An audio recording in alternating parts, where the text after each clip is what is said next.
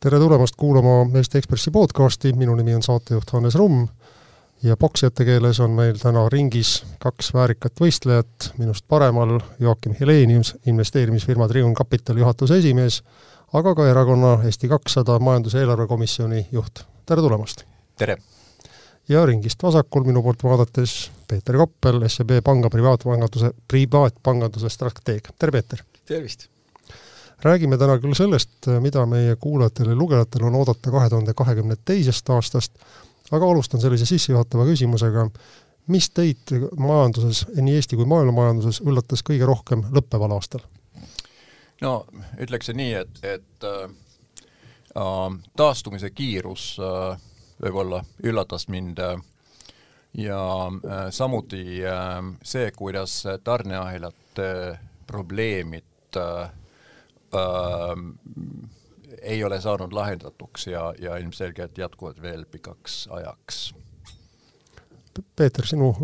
sinu sellised suuremad üllatused lõppevast aastast? Täpselt samad, mis härra Heleniusel, aga lisan, lisaksin veel selle, et majanduspoliitika ohjajad paistsid sellesse inflatsioonisurvesse kuidagi väga selliselt leebelt suhtuvalt, et rääkisid, et see on ajutine ja et see on ülemineku nähtus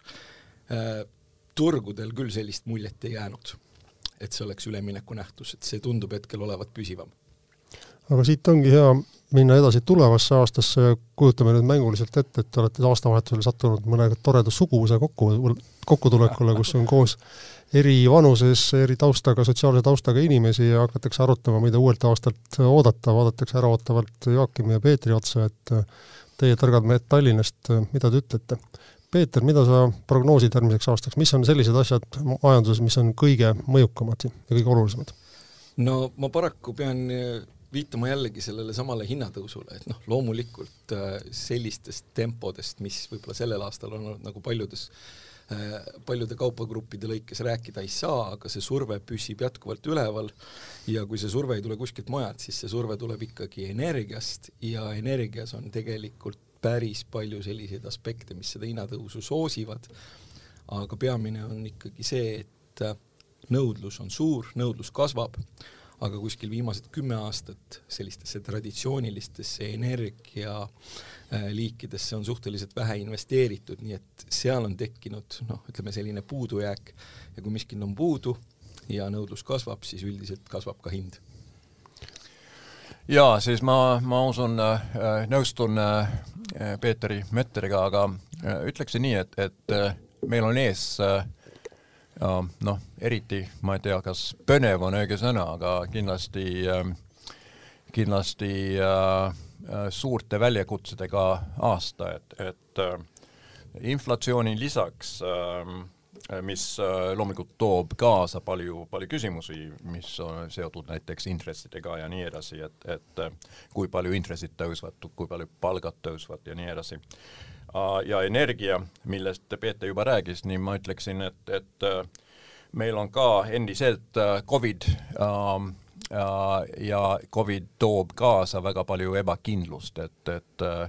uus äh, variant äh, Omikron äh, juba on seda toonud ja kes teab, millise, milliseid uusi varianti veel, veel, veel tulevad. siis meil on geopoliitiline risk,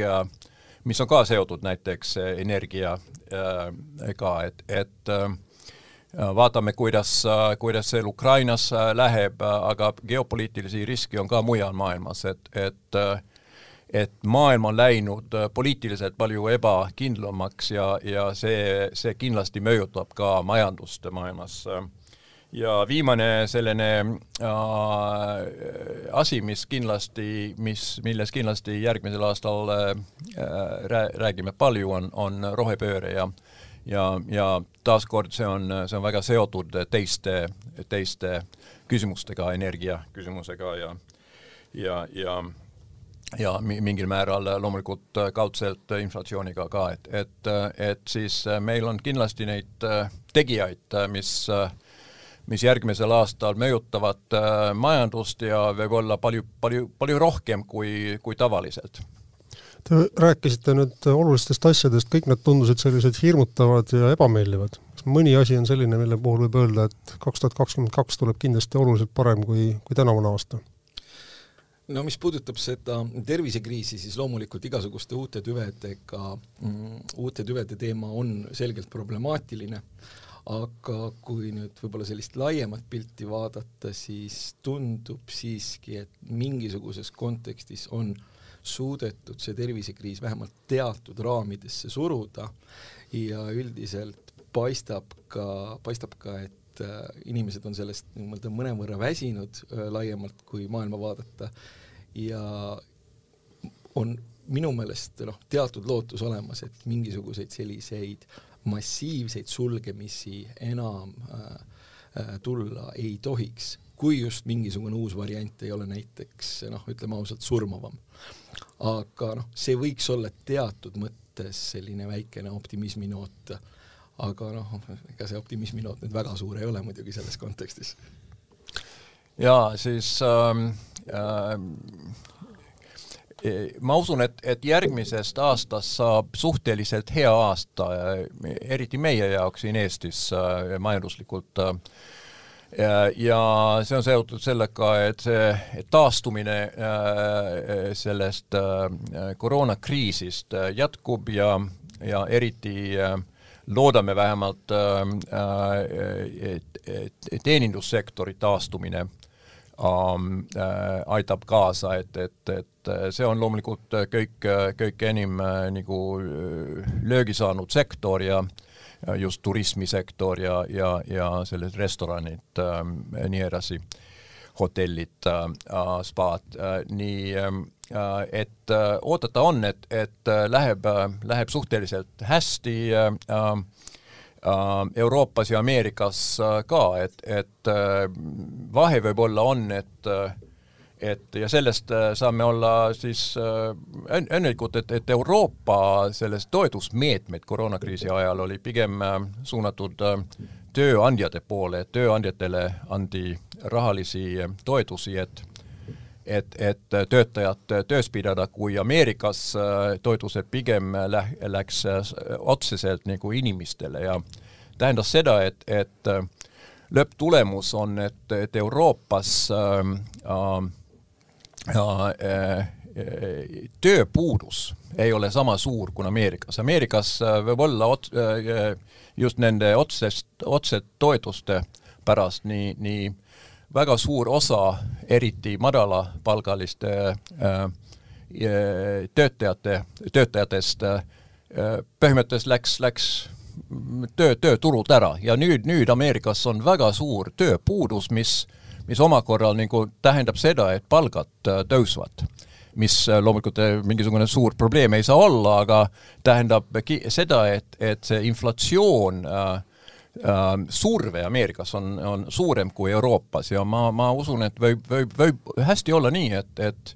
et Ameerikas näiteks intressid lähevad kiiremini tõusma kui Euroopas, et võib-olla järgmisel aastal Euroopas seda väga ei näe, näha, selle äh,,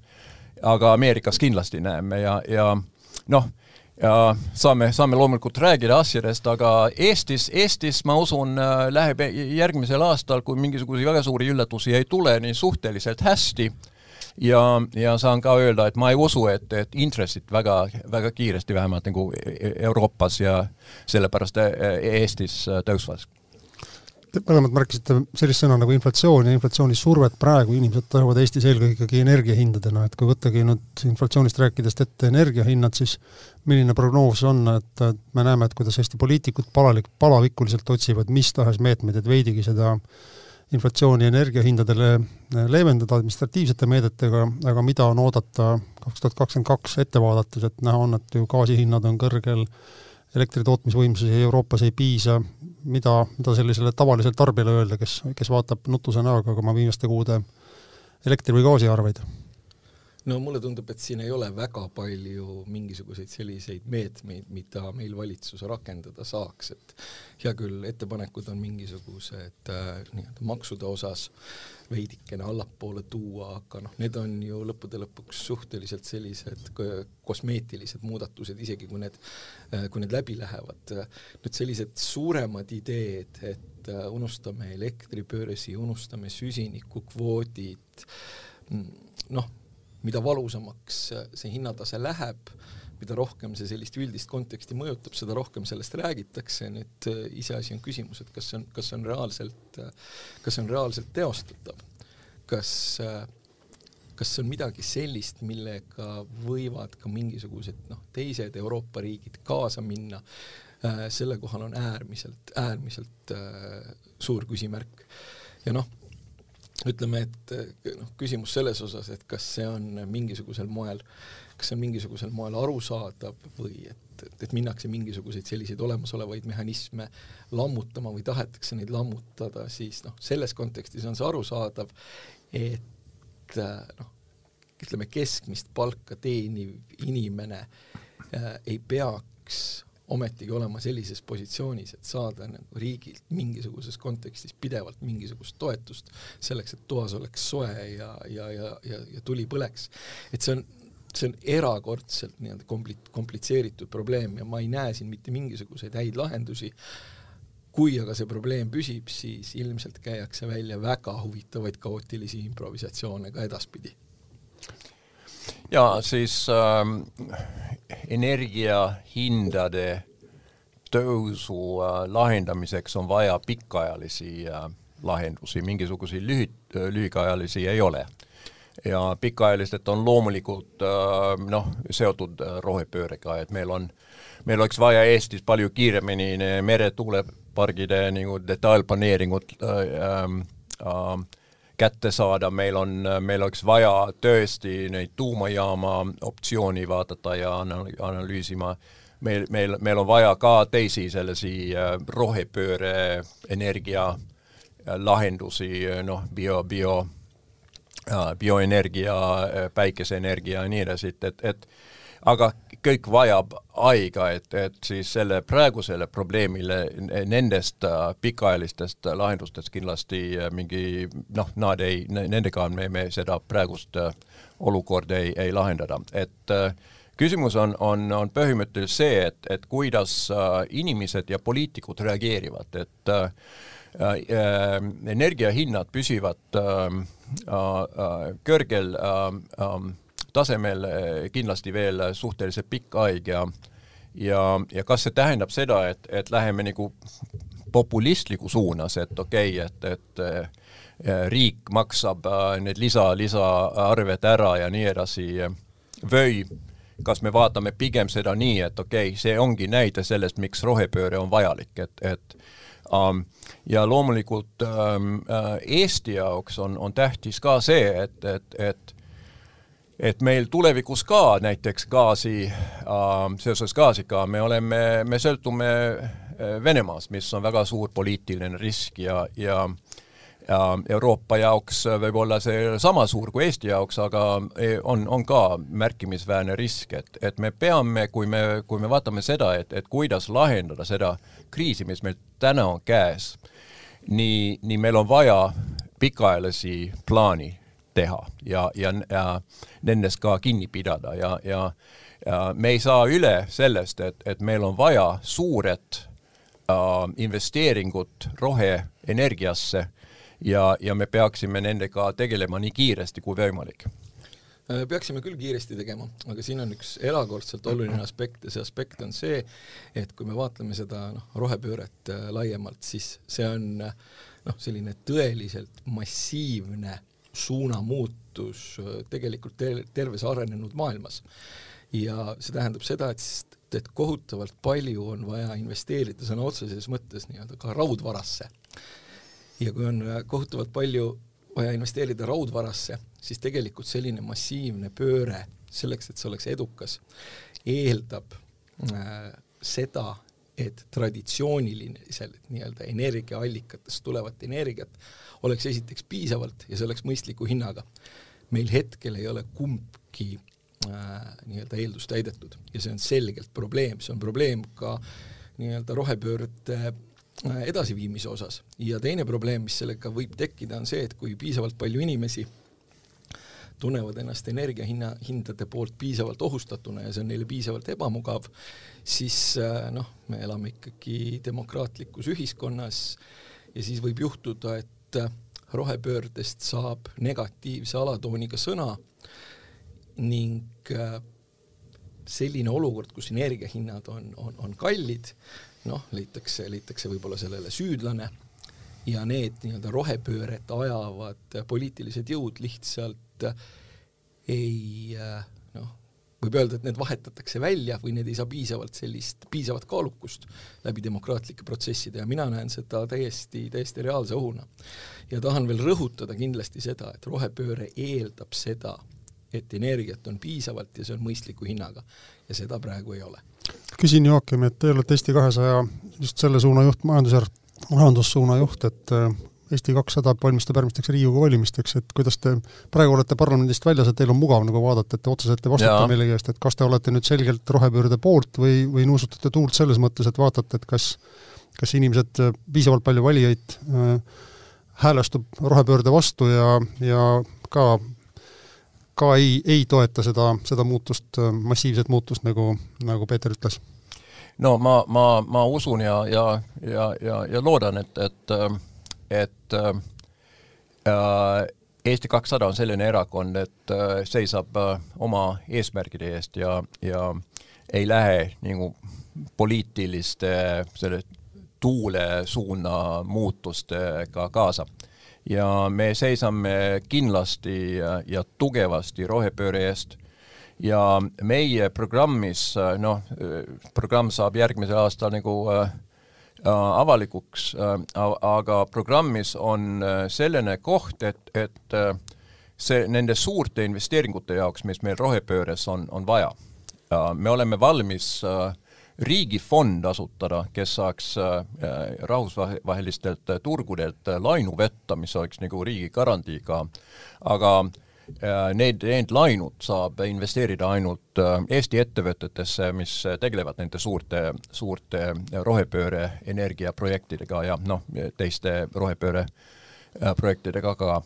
aga äh, siis me, me oleme, me oleme valmis ka äh, need rahaliselt, rahalised meetmed äh, äh, siia tuua, mis on vaja, et, et need suured investeeringud teha. Et siin meeles äh,, siin meeles äh, meie programm on, äh, on väga, erineb väga nende praeguste erakondade programmist. Ja, ja, ja rõhutan veel seda, et oleme, seisame väga, väga tugevasti rohepööre eest ja, ja, ja oleme valmis ka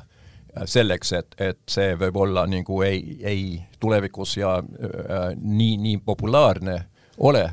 aga, aga see on vajalik, siis on planeedi vaja, äh, planeedi jaoks vajalik, aga Eesti jaoks see on ka vajalik ja Eesti on, Euroopa kindlasti on rohepöörest pikas, pik-, pikas plaanis äh, kasusaaja. me oleme energia, fossiilkütuste suur äh, importija ja, ja kui see, see vajadus väheneb, nii see, see on meie jaoks väga suur, suur asi ja, ja, ja, ja sellest saab nagu kätte need, need nagu rahad, mis muidu läheks äh, fossiilkütuste importimiseks. Eesti jaoks on veel suurem võimalus, sellepärast et, et bioenergia äh, puhul nii, nii me oleme nagu väga-väga tugeval kohal Euroopas, meil on, meil on äh, väga palju seda biomassi, aga, aga väga väike elanikkond, et, et, et meist võiks saada nii, näiteks just bio äh, bio, biokütuste, bioenergia suur äh, eksportija. aga, aga äh, ma tahaksin veel kiiresti äh, mainida seda, et, et võib-olla ma ei ole Peetriga täiesti nõus sellest, et selles, et, et et meil on, on nagu maailmas sel hetkel näiteks õlist puudu seda õli tootmispotentsiaali on väga palju, näiteks OPEC-i võiks ja Saudi Araabia võiks seda õli, õli tootmist väga-väga nagu äh, äh, palju tõsta. Nad ei, nad ei tee seda ja see on poliitiline otsus, see ei ole, see ei ole nendel nagu mingisugune tehnoloogiline või, või majanduslik äh, äh vajalikkus, et, et äh, ja see ongi, see ongi põhimõtteliselt meie meie, meie jaoks tulevikus probleem, et, et need suured fossiilkütuste tootjad, no OPEC riigid, Venemaa ja nii edasi, nende huvides on loomulikult, äh, et, et äh, hinnad püsiks äh, nagu väga kõrgel. kui vaatame näiteks meie naab-, naaberriiki Venemaad, no Venemaa on suhteliselt, noh, majandus stagneerub, uh,. Nad, nendel ei ole väga palju, mida eksportida peale, peale noh, fossiilkütusi et siin meeles äh, nende jaoks, kui, kui fossiilkütuste hinnad langevad, no nendel on pigem, pikemas plaanis nagu väga suuri äh, majanduslikku äh, raskusi äh, ette näha. et äh, ma usun, et see osab geopoliitikast, aga, aga fossiilkütuste tootjad äh, nad kindlasti ei taha seda tootmist väga palju tõsta, et nad pigem tahavad näha, et hinnad püsiks nagu kõrgel ja see on ka üks argument, mi-, mil, miks me peaksime väga kiiresti üle minna rohelise energia poole. kui nüüd kokku võtta sellise perepea või vanaisa ja vanaema seisukohast, kes, kes on pidanud maksma oma pensionist kalleid elektriarveid, siis võtan teie jutu lühidalt kokku sellega, et kaks tuhat kakskümmend kaks erilist kergendust oodata ei ole, tuleb pigem mõelda, kuidas mujalt oma pere kulusid kokku hoida, aga te mõlemad mainisite ka jutu alguses, et inflatsioon, kiire inflatsioon järgmisel aastal jätkub. Ehm, mida, mis, mis seda inflatsiooni põhjustab lisaks sellele, et, et energiahinnad on üleval? no siin härra Helenius juba mainis äh, tööjõupuudust ja tööjõupuudust võib-olla laiemas kontekstis, aga Eestis on see erakordselt oluline äh, faktor. kui me nüüd vaatame enne seda praegust tervisekriisi olnud olukorda, siis meil oli sisuliselt maailma kiireim reaalpalga kasv äh, kümme aastat järjest, et võib-olla siin Leedu vahepeal konkureeris. ja noh, millest see tulenes, see tulenes sellest, et meil on palju tööd, aga vähe inimesi. või siis on äh, inimeste oskustes probleem, et äh, vajatakse ühte laadi oskuseid, aga piisavalt selliseid oskuseid ei ole. ja kui nüüd me vaatame seda, et rahvastik vananeb ja noori jääb vähemaks ja selliseid, kes on siis nii-öelda kõige heas mõttes ahnemad ja töökamad, et ka neid jääb vähemaks, siis see tööjõupuuduse problemaatika muutub üha, üha akuutsemaks. Ja noh, seal on igasuguseid selliseid ebameeldivaid protsesse veel, veel, veel taga, mis majandust äh,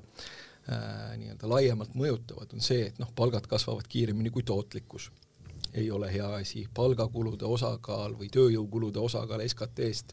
kasvab ja kasvab ka ei ole pikas perspektiivis majandusele tervislik. nii et see tööjõupuudus lisaks sellele, et see mõjub inflatsioonile, sellepärast et noh, mis seal salata, inimesed vaatavad, et hinnad tõusevad ja lähevad, küsivad palka juurde, või inimesed, kes vaatavad, et nad on tööturul palju väärt, lähevad, küsivad lihtsalt kas või sellepärast palka juurde, et nad saavad aru, et nad on tööturul palju väärt. et noh, lisaks sellele see tööjõupuuduse temaatika ikka võtab, närib sellise majanduse struktuuri ja tervise kallal ka pikemas perspektiivis päris jõuliselt. ühesõnaga, et kui peres on mõni väike, väikeettevõtja, siis tema jaoks on järgmiseks aastaks uudised halvad, tööjõupuudus ei leevene ja kui on selliseid edukaid tööjõuturul vajalikke oskusi omavaid inimesi, siis nende jaoks on tulevik helge, et ähm, võib rahulikult survestada senist tööandjat või siis vaadata parema palga järgi, sest et ähm, näha on, et konkurentsi kusagilt ei teki seda konkurentsi tõesti ei paista hetkel kuskilt tekkivat ja noh, eriti kui me vaatame noh, ütleme mingisuguseid selliseid kõrge, kõrgema lisandväärtusega töökohti tõmbekeskustes, kõik, mis on seotud äh, peaga töötamisega, kõik, mis on seotud IT-ga, siis äh, noh, ei imestaks, kui järgmisel aastal oleks päris korralik palgaralli mm. -hmm. Uh, jah uh,, ma olen, ma olen nõus Peetriga uh, Äh, äh, see inflatsiooni äh, puhul on, on kolmas selline suur tegija on tarneahelate probleemid. aga nad siis kindlasti vajavad oma, nad vajavad aega, et, et, et, et saaks lahendatuks um, ja ma usun, et, et, et noh, võib-olla järgmise aasta lõpuks on, on, on meil olukord äh, mingil määral vähemalt normaliseerinud, aga, aga seni äh, kuni, kuni, kuni nii juhtub, nii nii kindlasti äh, tarneahela probleemid mõjutavad inflatsiooni, et, et näiteks seda näeme juba, juba selles, et uued, uue auto äh, tellimine, see kestab väga kaua ja ja kasutatud auto nagu on läinud väga kalliks, et, et ja see on nagu ainult üks, üks väike osa meie majandusest um,. mis, mis puutub um, tööjõu um, uh, nagu noh, ma, ma, ma, ma, ma ütleksin nii, et uh,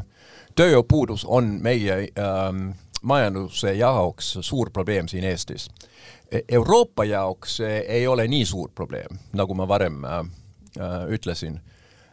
meie, meie olukord on pigem sarnane kui Ameerika olukord, et Ameerikas on, on ka väga-väga suur äh, äh, nagu tööjõupuudus ähm,. Ähm, see tähendab seda, et, et äh, ähm, et meil on vaja siin Eestis äh, inimesi juurde võtta mujalt. muidu, muidu majandus ei kasva, muidu äh, muidu pikemas plaanis ka nagu äh, meie siis eestlaste äh, palgad ei tõuse, kui majandus ei kasva, et, et, et meil on vaja, et majandus kasvaks, me, me, meie äh, lõpp, lõplikult meil on veel pikk, pikk tee minna, enne kui meie, meie elamutaseme on, on nagu Euroopa keskmise kinni võtnud. Äh,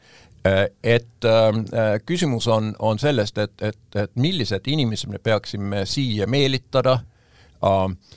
selles osas äh, nõustun äh, ka äh, väga Peeteriga, et, et näiteks äh, IT-spetsid äh, meie IT-sektor kasvab palju kiiremini kui, äh, kui majandus keskmiselt ja, ja ongi nagu majanduskasvu üks mootor. ja, ja suur osa nendest nagu tootedest ja tee, teenistusest, mis, mida, mida IT-sektor äh, toodab, müüakse välismaale, eksporditakse. et, et, et selle, kui, kui IT-sektor äh, jätkuvalt kasvaks äh, sama kiiresti kui nüüd viimastel aastatel, nii sellest saab väga suur osa meie, meie äh, majandusest ja ja, ja, ja kõrgepalgaline osa meie ma-, majandusest, sellest saab kasu ka muud osad, nimelt nagu äh, kõik äh, hotellid, restoranid ja nii edasi, et, et siis me peame toetada äh, IT-sektori ettevõtjad, kui, kui nendel on vaja spetsi mujalt siia meelitada, riik peaks olla selle, selle taga, riik peaks, peaks seda väga äh, tugevalt toetada. et äh, sellest nagu äh, äh, spetside ja, ja, ja, ja, ja siis lõpp, lõplikult me ei vaja ainult spetsi, me vajame ka äh, Äh, tööstusettevõtted vajavad äh, äh, töötegijaid, põllumajanduses on vaja inimesi. Ähm, kui me tahame, et meie majandus kasvab, nii meil on vaja siia meelitada inimesi mujalt ja, ja küsimus on pigem selles, et kuidas me seda teeme, nii et, et et meie ühis, ühiskond äh, äh, nõustub nende, nende nagu muutustega, mis need uued tulijad toovad kaasa küsin ka sellist asja, et ähm, kui nüüd peres kellelgi on kümme tuhat eurot vaba raha või kellelgi on sada tuhat eurot vaba raha, siis mida te soovitaksite selle rahaga teha, et kas praegu on õige aeg ähm, investeerida aktsiasse, aktsiatesse, arvestades seda, et ähm, inflatsioonisurve on suur, kas praegu on õige aeg osta Eestis kinnisvara, sina, Peeter, strateegina, mida sa, mida sa sellisele inimesele soovitad, võtmata ise sealjuures mingit rahalist vastutust? No investeerimisinimese käest sellist asja küsida, sealt saab põhimõtteliselt äh, väga enamastel juhtudel sarnase vastuse äh,. investeerida tuleb, investeerida tuleb äh, varadesse, varadesse, kui on võimalik, siis nii-öelda võimalikult laialt, et oleks investeeritud siis erinevat liiki varadesse, aga raha kui selline, raha kui sellise säästmine sellises keskkonnas kui praegu absoluutselt ma ei näe mitte mingisugust äh, ratsionaalset äh, mõtet sellel. loomulikult jah, puhver peab olema, äh, kui on ülemuse pikalt saatmise fond, ka väga hea, aga kui tekivad juba sellised märkimisväärsed säästud, siis need tuleb ära investeerida, sellepärast et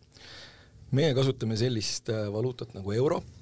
ja me oleme samas rahaliidus selliste riikidega, kellel kelle nii-öelda eelarvepositsioon ja, ja, ja üleüldiselt majanduse tervis ei ole eriti hea. ja see tähendab äh, seda, et veidikenegi pikemas perspektiivis on äärmiselt tõenäoline, et reaalintressid püsivad äh, negatiivsetena. reaalintressid äh, siis, reaalintress siis tähendab seda, et et on võetud nominaalintress ja sealt inflatsioon maha lahutatud. et kõige lihtsam näide võib-olla on see, et kui äh, eluasemelaenu marginaal on äh, kaks ja äh, inflatsioon on kolm, siis reaalintress on miinus üks, ehk siis sisuliselt võlgu olemise eest justkui makstakse peale. ja sellises keskkonnas, kus äh, raha kallal inflatsioon närib, reaalintressid on negatiivsed, tuleb võtta riski ja tuleb investeerida kui nüüd on siin küsimus selles, et noh, et kas kohalikku kinnisvarasse või, või, või kas kohalikesse aktsiatesse või või, või aktsiatesse kuskil mujal, siis see on juba keerulisem küsimus ja see nõuab natukene tõsisemat sissevaatamist sellele, et milline on inimese riskitase, aga üldpõhimõte on hetkel see, et cash is trash. No uh mina kindlasti ei lähe äh, äh, investeerimisstrateegiga vaidlema, et, et äh, olen nõus äh,. Ähm, äh, mina, mina äh, äh, usun, et äh, varadesse peaks investeerima ähm,. ma olen äh,, ma väga, mulle väga ei meeldinud see äh, kahetsusväärne äh, pensionireform, sellepärast et, et tähendas seda, et nagu inimeste varadesse investeerimised võeti põhimõtteliselt äh, ära. Äh,, siis äh, need rahad, mis muidu oleks olnud osa nende nagu investeeringutest, mis äh, eestlastel oli varades, nii, nii kasutati äh, äh, noh, kulutamiseks äh,, mis pikemas plaanis kindlasti ei ole. äh, ei ole Eesti äh, huvides, ei ole nende inimeste huvides ja, ja jah, midagi muud ei saa öelda, kui et see oli tõesti kahetsusväärne, kahetsusväärne um, äh, reform või, või seda ei saa reformiks kutsuda, see, see muutus. ja äh, edasi äh, ma usun, et ongi nii, et, et ähm,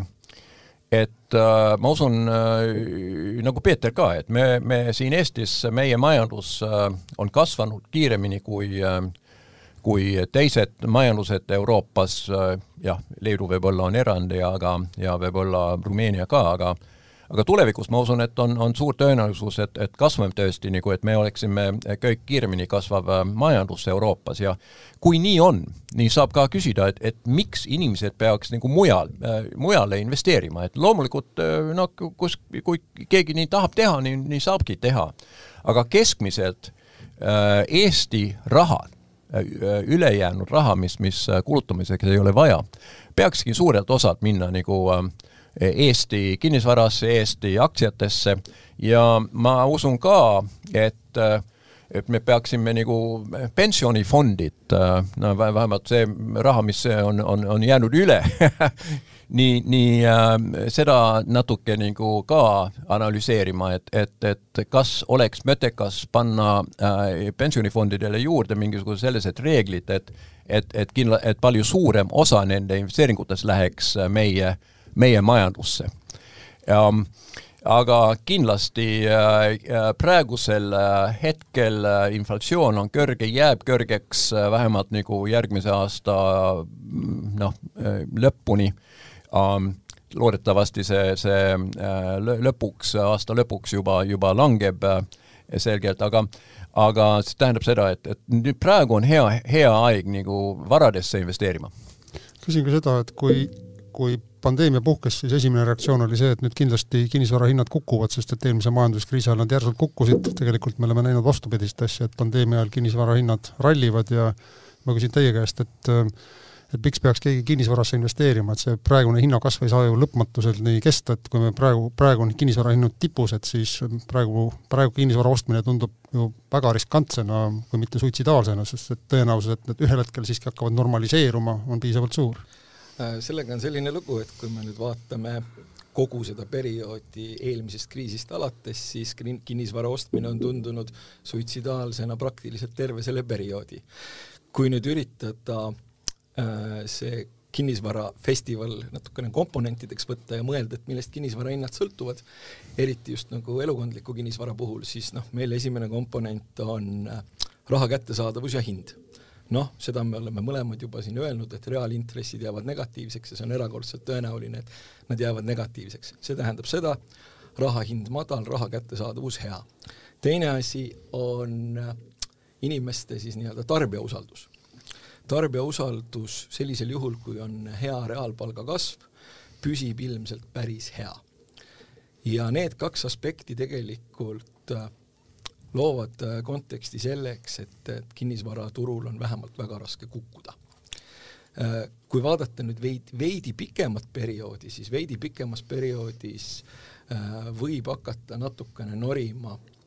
selle kallal, et kas hinnakasv jätkuda saab lihtsalt sellepärast, et jälle jõuame sinna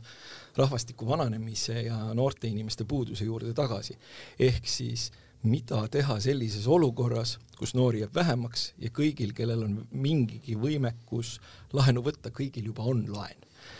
ja see on siis nagu see hetk, kus äh, see kinnisvaraturg võiks nagu äh, stagneeruda, võib-olla välja arvatud igal pool mujal kui äh,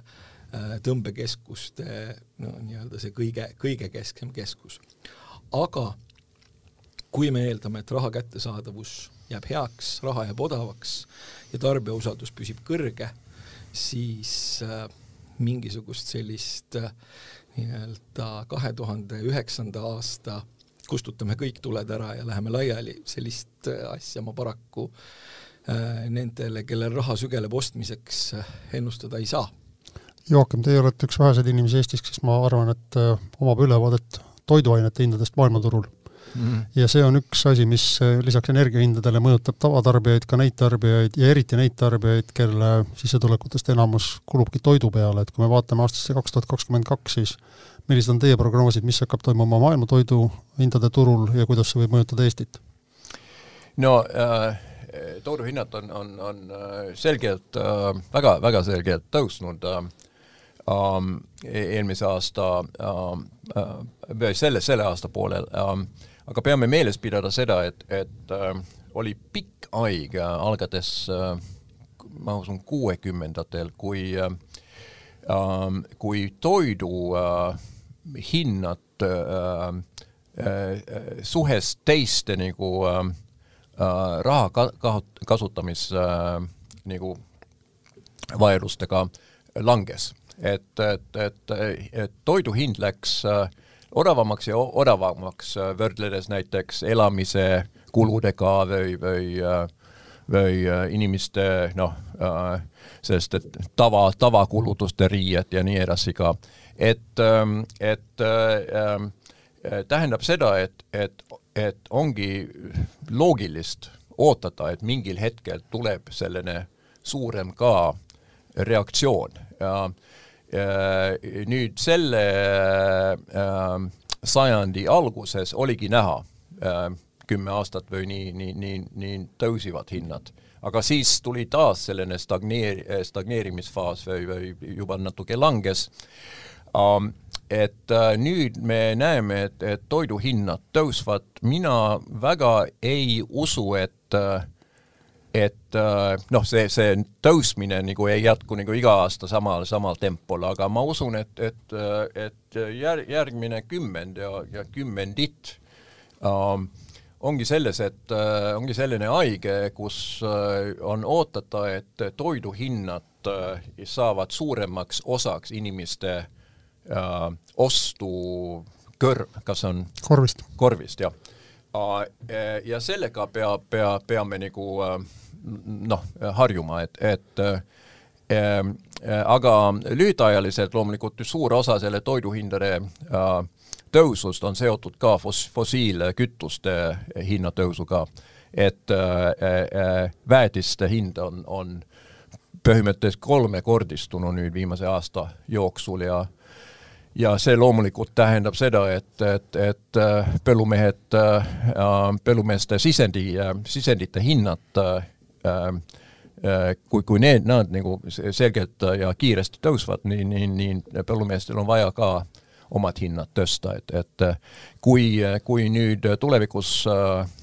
õli ja gaasi hind langevad, ma usun, et, et see tähendab seda, et, et toiduhinna vähemalt tõus lõpeb ja võib-olla saame ka näha mingisugust langust. suur aitäh Peeter Koppelile, suur, suur aitäh Joakim Heleniusele